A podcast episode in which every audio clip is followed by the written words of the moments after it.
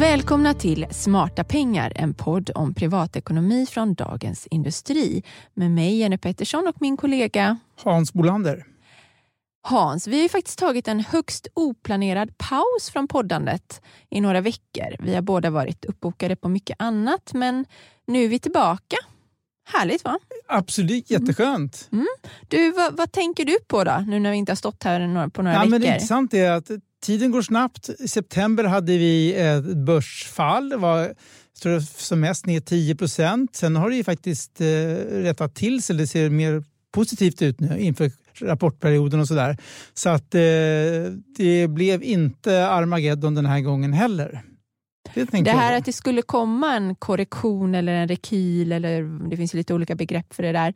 Eh, det låg ju lite i korten. Många har pratat om det, att det är helt naturligt att, det, att börsen helt plötsligt går ner 10 procent efter en sån här plötslig uppgång. Och det var ungefär vad vi fick se här. Ja, verkligen. Nej, men det som du säger, det är jättebra för att man Annars blir det väldigt många som får orealistiska förväntningar. Framförallt om man är lite ny det här med börs och placeringar och tror att det alltid går uppåt.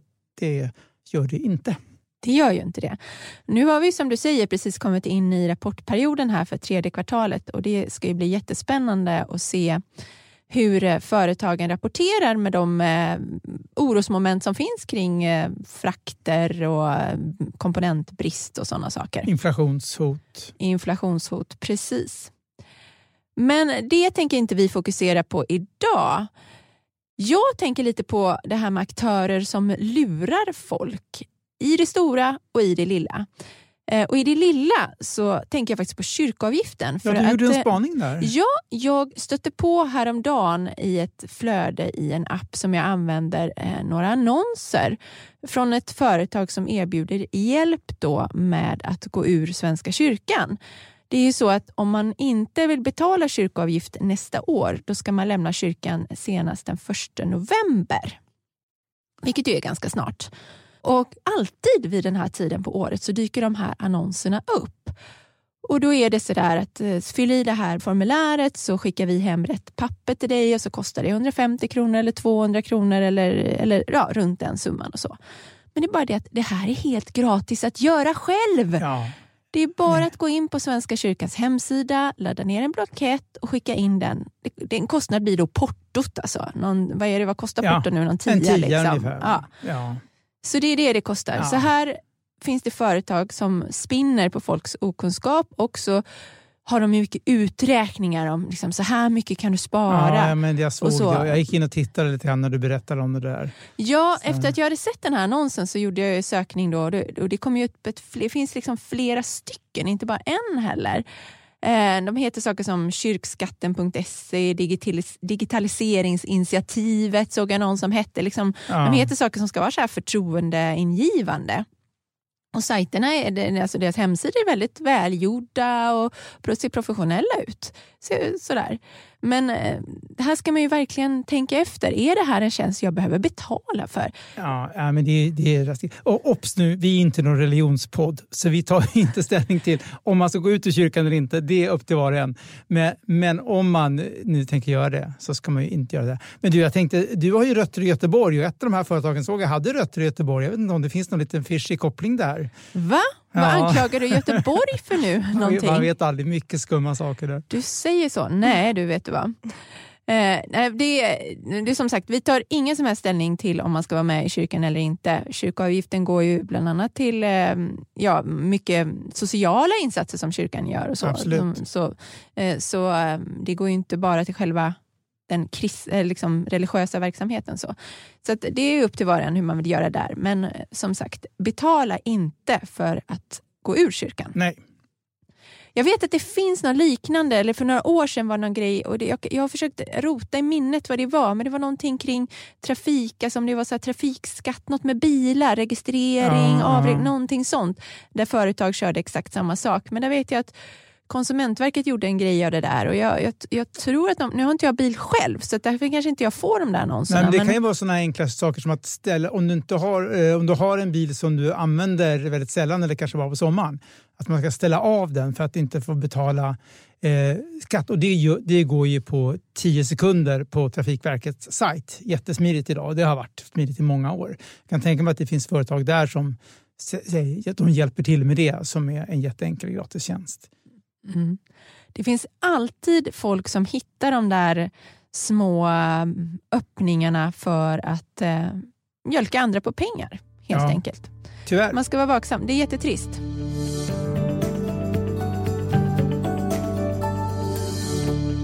En annan grej på lite samma tema fast i mycket större skala det är att Finansinspektionen återkallar värdepappersbolaget Nord Fondkommissions tillstånd det här beskedet kom nästa vecka då och myndigheten motiverar det här med att man har funnit allvarliga brister i bolagets rådgivningsverksamhet. Finansinspektionens generaldirektör sa då vid en presskonferens att det här är ett tydligt exempel på oseriös rådgivning. Bland annat så har Nord enligt FI då rådgivit kunder att investera i företagsobligationer med höga risker utan att ha genomfört en eh, då korrekt lämplighetsbedömning som man ska göra och säkerställt då att kunden har kunskap och erfarenhet av den här typen av produkter. Eh, det här händer ju inte särskilt ofta Hans, att man rycker tillståndet för en aktör på det här det, sättet. Det är extremt ovanligt. Alltså det man tittar tillbaka, så HQ Bank blev av med, med tillståndet, det var över tio år sedan. Ja, men det är sagt extremt eh, sällsynt, för det är ju ett dödsdömt ett bolag. Då får de ju lägga ner om man inte har tillstånd att verka enligt Finansinspektionen. Däremot så såg jag när jag gick igenom och skrev om det här att det var i alla fall eh, fem, sex allvar som Finansinspektionens styrelse hade gett allvarliga anmärkningar. Eh, till, och det, var inte, det, är inte, det handlade inte bara om sådana här små, utan det var ju Skandia och, och det var de här eh, som fick, för, det kommer jag inte ihåg vad det var för, men sen vet jag att det var ju penningtvättsfrågorna för Swedbank och SEB. Eh, så att Finansinspektionen eh, ligger ju på så gott de kan. Det är ju en komplicerad materia och agera då, så det är ju viktigt att, att de finns och agerar. Men eh, att rycka tillstånd, det är det ultimata straffet så att säga. Det hände ju ett liknande företag förra året, Exid eh, Capital, apropå Göteborg. De var Göteborgsbaserade. Ja, ska inte hålla dem. nej, nej. Men där ansåg ju också FI att bolaget hade ägnat sig åt vårdslös rådgivning då och sålt in högriskprodukter som inte gagnade konsumenten utan bara var till för att eh, man skulle tjäna pengar helt enkelt på provision och så. Och där kunde man ju förlora det var ju den typen av produkter där du kunde förlora all, allting, allt insatt kapital i en handvändning nästan. Och då till personer som inte alls hade kunskap om finansmarknad och, och risker och sådär. Vad ska man säga om det här då? Den här typen av rådgivning. Hur ska man undvika den? Man ska vara väldigt skeptisk och kritisk till bolag som hör av sig med marknadsföring och vill hjälpa till med pensionsrådgivning och placera dina pengar. Eh, och då ska man ju ställa en mängd frågor. Och eh, jag skulle ju verkligen dra mig för att använda ett bolag, ett som jag inte hört talas om. Två så ska man ju då kolla, finns det åtminstone eh, för Finansinspektionens lista över bolag med tillstånd. Men det gör faktiskt de flesta för det är väldigt lätt att få tillstånd så det är egentligen ingen, inte så mycket hjälp. Men titta på eh, hur många kunder har de, vilka produkter hjälper de till och fråga också efter avgifter. Alltså, tyvärr är det ju så här att det är de kunder som ställer få kritiska frågor som fastnar i garnet här kan man säga. Så att jag skulle, även om jag är ingen jättevän av storbankerna för jag anser att de har väldigt slarvig och dålig rådgivning ofta. Men, men det, är ändå, det finns en seriös eh, tanke bakom det hela och det är noggranna processer. Man kan ju vara, vara säker på att man inte blir lurad. Alltså I det här fallet på med Nord så var det ju Eh, det var ju provisioner var 4-6 procent på obligationer, vilket är extremt högt. Det var ju felaktiga uppgifter i några sådana här faktapapper som de måste ha enligt Finansinspektionen och EU-regler. Det var ju direkt felaktiga uppgifter. Så det var ju direkta fel eh, eh, och uppenbart att de var, sålde på högriskprodukter på... Det var till exempel det var fastighetsobligationer på ett litet bolag i Gävle som man skulle gå in och som utmålades som en trygg placering jag menar, okej, okay, JM kanske man kan tycka är ett tryggt fastighetsbolag, men inte ett litet fastighetsbolag i Gävle. Det kan ju liksom gå omkull när som helst om man har otur. Så att, äh, var extremt skeptisk. Var lika skeptisk som när du köper en bil kanske eller eh, bostad. Då tror jag de flesta ändå är, tänker kritiskt. Man måste vara lika kritisk här. Ja, man kan ju ägna flera dagar åt att välja tv och diskmaskin och sånt men ganska lite tid åt det här egentligen, vilket är ju eh, ganska skevt. Vi återkommer ju ofta till det här i podden att sparande behöver inte vara så himla komplicerat egentligen. Alltså att, eh, ska du spara till pensionen finns det ju ganska eh, liksom en enkel modell för det med billiga aktiefonder i grunden och, och lite Sverigefonder och globalfonder och så. Eh, så att när folk börjar försöka sälja på dig paketerade produkter, strukturerade ja. produkter. Vi brukar ju rekommendera företagsobligationer, det, så det behöver inte vara dåligt Nej, i sig. Men de har olika risknivåer ja. och här var det ju då med väldigt, väldigt hög risk och så var det ju det här liksom kickback-systemet då, att de tjänade på att sälja en viss typ av produkt och så. Det är ju här man ska dra öronen åt sig och man ska ju verkligen inte hoppa på grejer som man själv inte har förstått Nej. riktigt och alltid ställa motfrågor. Vad är fördelen med det här kontra en, att jag sparar en global... I en billig global fond? Ja, ja precis. Vad vinner jag på det? Och så, så, det här med att eh, hög avkastning till låg risk är ju en, liksom en ekvation som inte går ihop och så fort någon börjar prata om det då ska man verkligen känna varningsklockorna ringa. Ja. Alltså, och jag, jag har hjälpt vänner ibland som kommit med och frågat ändå. Du, jag, eh, jag är kund hos den och den. Och, varför blir du det? För ja, de blev uppringda eller något. Och så kan du kolla på det här och så tittar jag på det och då är det, det är inga, de, har inte, de här bolagen har inte brutit mot några regler. på något. De skulle aldrig bli av med tillståndet för de följer reglerna till punkt och pricka. Men det är extremt dåliga fonder som de har placerat kunderna och det hänger ihop med att de bolagen är ute efter att få provisioner och, så, och strunta då i kunderna och placera kundernas pengar i dåliga och dyra fonder. Det är liksom den van, det vanligaste man kan råka ut för tyvärr om du hoppar på en sån här liten rådgivare. Mm. Ja, för det är ju den där gränsdragningen mellan att det, det är ju faktiskt inte så att man eh, kanske gör något kriminellt eller Nej. Eller något som Nej, klassas som, som, som bedrägeri eller så. Men det kan ändå vara riktigt, riktigt dåliga råd som inte är till för att det ska bli bra för dig mm. som kund utan snarare då för den här aktören ska tjäna pengar på det. Men jag tänker att de här frågorna, nu, nu säger vi att det är bättre då med stora etablerade aktörer eh, för det är, det är mer stabilt, de kommer inte gå, eh, de kommer inte gå omkull och de kommer inte rekommendera ett litet fastighetsbolag i någon småort. Eh, Nej. Så. Det kommer de inte göra. Men även när man går dit, för du sa ju det att du tycker att de ofta ger dåliga råd. Ja, och bristfälliga, och brist, bristfälliga råd. De säljer ju in sina egna produkter helst och ofta kanske då fond-i-fondlösningar eller, eller fonder med ganska höga aktiefonder med höga avgifter. Och där ska man ju också ha det kritiska tänkandet med sig och ställa motfrågor. Och så. Absolut, det är jätteviktigt. För jag, jag brukar tänka så här, ja, ehm, att bli lurad av, då kanske, det finns, vi har ju pratat om de här bitcoinbedragarna som finns nu. Man hoppar på annonser på Facebook eller Instagram eller sociala medier överhuvudtaget och kan bli av då med hundratusen i en handvändning. Det är ju jättehemskt verkligen. Men på något vis så är det ju, kan det ju vara lika dåligt då att, att hoppa på en dålig lösning hos en storbank där du successivt kanske förlorar faktiskt samma summa fast under väldigt lång tid då, på, på, att du har satt dina pengar i en dålig, dyr fond. Ja, ja. När du istället kunde valt en enkel och billig lösning som kanske inte är bankens egna fonder, men ofta har de ju de här fonderna också i sitt utbud, fast det är inte de de eh, marknadsför. Men det är inte så att man behöver alltid gå till en stor nätbank eller så för att få tillgång till ett annat utbud, utan storbankerna har ju ofta även andra bankers fonder i ja. sitt utbud och, och, och, eh, olika indexfonder och så. Och Man kan ju fråga sig varför väldigt stora placerare som placerar eh, hundratals miljoner eller miljarder de, de betalar ju sällan mer än 0,1 högst i årlig förvaltningsavgift för att placera sina pengar, eller ännu lägre.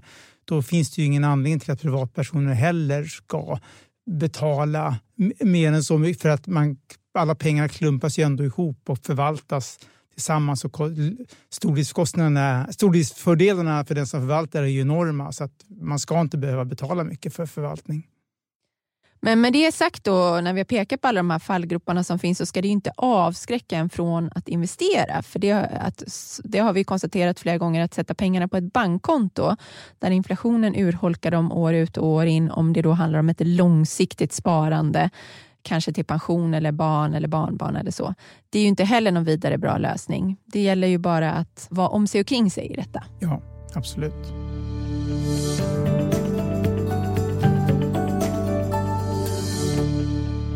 Vi byter ämne i podden. Det har kommit en ny rapport från SNS som visar att kvinnor, när de får barn, har en halv miljon mindre i inkomst under de första tio åren jämfört med kvinnor som inte fått barn. Men för män med och utan barn då, syns inte någon sån här skillnad. Vad beror det här på Hans? Ja, det är intressant. Först ska man säga att det var, det var en väldigt intressant studie för den var extremt noggrann och vetenskaplig. Den baseras på 18 000 hushåll i Danmark. Eh, för att då kunde man jämföra med de som har fått assisterad befruktning. För, och, och alla hade gått igenom det här men då alla fick inte barn då förstås, som det brukar vara då, dessvärre. Och då kunde man jämföra de här två grupperna och följa dem under en lång tid. Eh, och då var det ju två identiska grupper och då, då fann man det här sambandet. Och vad det beror på, och där, då forskarna tror också att det där ungefär skulle få samma resultat i Sverige för vi är ganska lika socialförsäkringssystem, vi har en ganska generös föräldraförsäkring och väl utbyggd barnomsorg och så. Så att, eh, nej men det beror ju på att kvinnorna då gick ner i tid och inte jobbade ett tag. Eh, men sen också karriären faktiskt i, i snitt. De, den, den mattades av något på grund av ett mönster var att de flytt, valde att bo närmare arbetsplatsen. Naturligtvis för att man vill inte ha så långa resor när man har barn. Det är ganska naturligt. Och då, då var det ett exempel på att eh, medan då männen fortsatte då som vanligt så att säga. Så det där var ett typiskt exempel eh, på det som kanske alla har misstänkt. Det finns ju en mängd olika orsaker till, eh, till det. Ja, och sen nu frågar jag forskarna då vad, ja, men vad ska man göra åt det här? För det är ändå både eh, regering och riksdag vill att man ska minska det här så kallade jämställdhetsgapet. Eh, där hade de inga bra svar. För det finns ju liksom, vi har ju en generös föräldraförsäkring och, och ändå så finns de här skillnaderna. Vad tror du att eh, det här skillnader? Och finns det någon eh, quick fix på det här så att säga? Ja, quick fix är väl att vi får ett mer jämställt arbetsliv då helt ja. enkelt och man helt och hållet delar på föräldraledighet. Och, eh, alltså att det inte finns olika förväntningar på män och kvinnor i arbetslivet vilket ju påverkar då kanske undermedvetet påverkar eh, arbetsgivare när det kommer till karriär och vem man eh, befordrar och så och också vilka val vi gör då. Det är klart att um, Ja, att, att kvinnor går ner i deltid kostar ju väldigt mycket. Så varför ska kvinnan jobba 70 procent och mannen 100? Varför jobbar inte båda 85? Nej. Sådana grejer. För Jag tycker alltid det är intressant, man, man vet det här kommer upp gång, gång efter annan, men jag tycker alltid det är intressant när man sätter siffror på det här också, för det blir så otroligt tydligt. En halv miljon är väldigt mycket pengar och särskilt då om det är pengar om du har tänkt att du ska spara en del av de här pengarna och ha dem mycket senare i livet. Tänk då liksom hur mycket mindre du har att, som ger dig avkastning. Ja, och det, precis. Och det här får inte inräknat pension, hur det påverkar pensionen, vilket också kommer påverkas naturligtvis med lägre livsinkomst. Mm. Så jag tycker det är bra liksom, att faktiskt ha det svart på vitt och påminna folk om att de valen man gör, fine, det är upp till var och en hur man eh, i slutändan vilka val man gör. Men man ska vara väldigt medveten om effekterna av dem och utifrån det då kanske man vill faktiskt resonera sig fram till något helt annat. Och Det tycker jag är viktigt att ha med sig. Så tänker man, ja okej, om man nu då landar i att man absolut inte kan ha en annan lösning och det ändå blir kvinnan som förlorar just ekonomiskt, det, då finns det ju sätt att kompensera för det.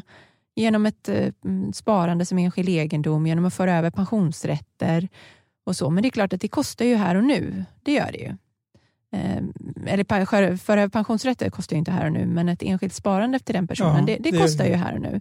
Och Då är det viktigt också att man gör allt det där på rätt sätt. Så skulle det bli en separation så ska ju de pengarna liksom tillfalla den personen som, som hela upplägget var till för. Så det är bra att man tänker igenom det. Men eh, som sagt, jag tycker det är bra att få den här påminnelsen. Ja. Och om man backar lite grann till det vi pratade tidigare om rådgivning, så här finns det väl också jag, min uppfattning är att det är väldigt många där man inte tänker på de här frågorna alls eller tror att man tycker det är lite jobbigt. Eller, eller framförallt, ja, varför ska vi... Det här kommer lösa sig. Eh, men, eh, men det är ju fakta som sagt. Och då, då finns det ju sätt, som du sa, att man kan, man kan eh, hitta sätt att kompensera. Så, men eh, det är väldigt få som gör det. Så därför kanske man också, då, om man känner att man inte har den kunskapen själv eller vill, kan ta reda på det själv, så då kanske man ska gå till en rådgivare. Om, och det gäller ju också även sådana saker som äktenskapsförord och sådana saker i, i både samboförhållanden och gifta, hur man ska göra. Så att, eh, ja, det finns all anledning att ta jo, det, det finns verkligen anledning att ta råd. Vi är ju inte emot rådgivning som sådan. Nej. Men det finns ju också nu, om man då ska gå till den ekonomiska delen, sparande och så, så har det ju växt upp flera oberoende rådgivare som, jag, som man då kanske, då får man ju betala. Bankens rådgivare är ju så kallat gratis eh, om man är kund. Men i själva verket är det ju inte gratis för du betalar ju alltid på något sätt. Liksom. Mm, Genom att du väljer deras fonder eller har bolån eller eh, ja, du betalar olika avgifter för, för dina tjänster som du, som du använder. Men det finns ju också alternativet att gå till helt oberoende rådgivare som har växt upp, eh, i alla fall några stycken, eh, Mm, på senare ja. tid. Och Det har ju kommit mer sedan man skärpte den här lagstiftningen då, kring vad som, ska vara vad som får klassas som oberoende rådgivning och inte. Och då är det klart, då får man ju betala då kanske ett par tusen för den rådgivningen. Men om man väger det mot då vad, vad man kanske får för utväxling på sitt sparande så kanske de där tusenlapparna inte är så jättemycket egentligen. Nej, nej, nej. Slå ut över hel livstid så är det ju ingenting. Sen kan man ju då behöva kanske gå till en rådgivare efter några år igen om det är, man hamnar i en ny livssituation Ja. eller så. Så, att, så att det är ju också eh, men då kanske man också fått med sig så pass mycket kunskap att man faktiskt kan göra de här förändringarna själv som behövs om Ja. livet förändras på något sätt. Och så. Man ska se det här också i ljuset av liksom att det är ju påfrestningar för privatekonomin att att skaffa barn för alla. Alla föräldrar. Liksom. Så att, eh, det, det var ju en rapport nyligen som... Att Ja, vad är det det kostar att ha barn? Har, Det blir alltid lite surr kring sån här rapport för att folk har olika åsikter om det stämmer. Men Swedbank har räknat ut att eh, under en 19-årsperiod fram till dess barnet går till gymnasiet så har kostnaderna varit 1,45 miljoner i extra kostnader för att ha barn. Men då är det inriktat en viss tid att man går ner i arbetstid och lite större bostad. Eh, men, och en tredjedel ungefär täcks av barnbidrag och studiebidrag. Men eh, alltså att eh, den faktiska kostnaden skulle vara kanske en miljon. Det är nog pengar som vi gärna betalar fortlöpande för, är absolut. för att ha barn. Så inte så att vi med att skaffa barn för att det kostar pengar. Men det är också lite grann en realitet naturligtvis som gör att privatekonomin blir extra ansträngd under ganska många år.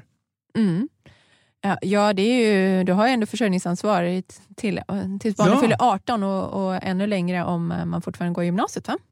Ja, exakt. Det är det som har gått ut gymnasiet tror jag det som gäller i Sverige. Mm.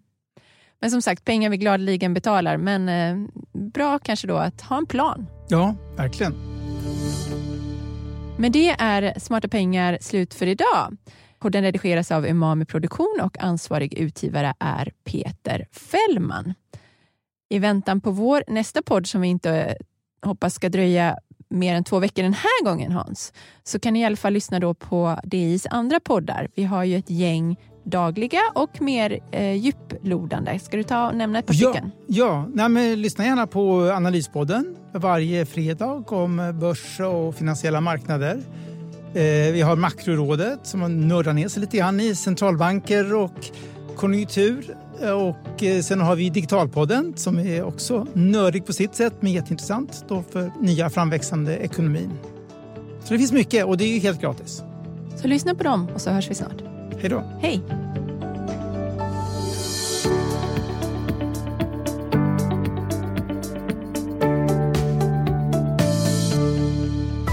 Varje vardag klockan sju uppdaterar DITVs Morgonkoll dig om natten och morgonens viktigaste nyheter. Från börsstängningen i New York till läget i den asiatiska handeln. Och strax därefter kommer podden med samma namn. Prenumerera på Morgonkoll du också så är du uppdaterad inför varje ny arbetsdag. Morgonkoll finns där andra poddar finns.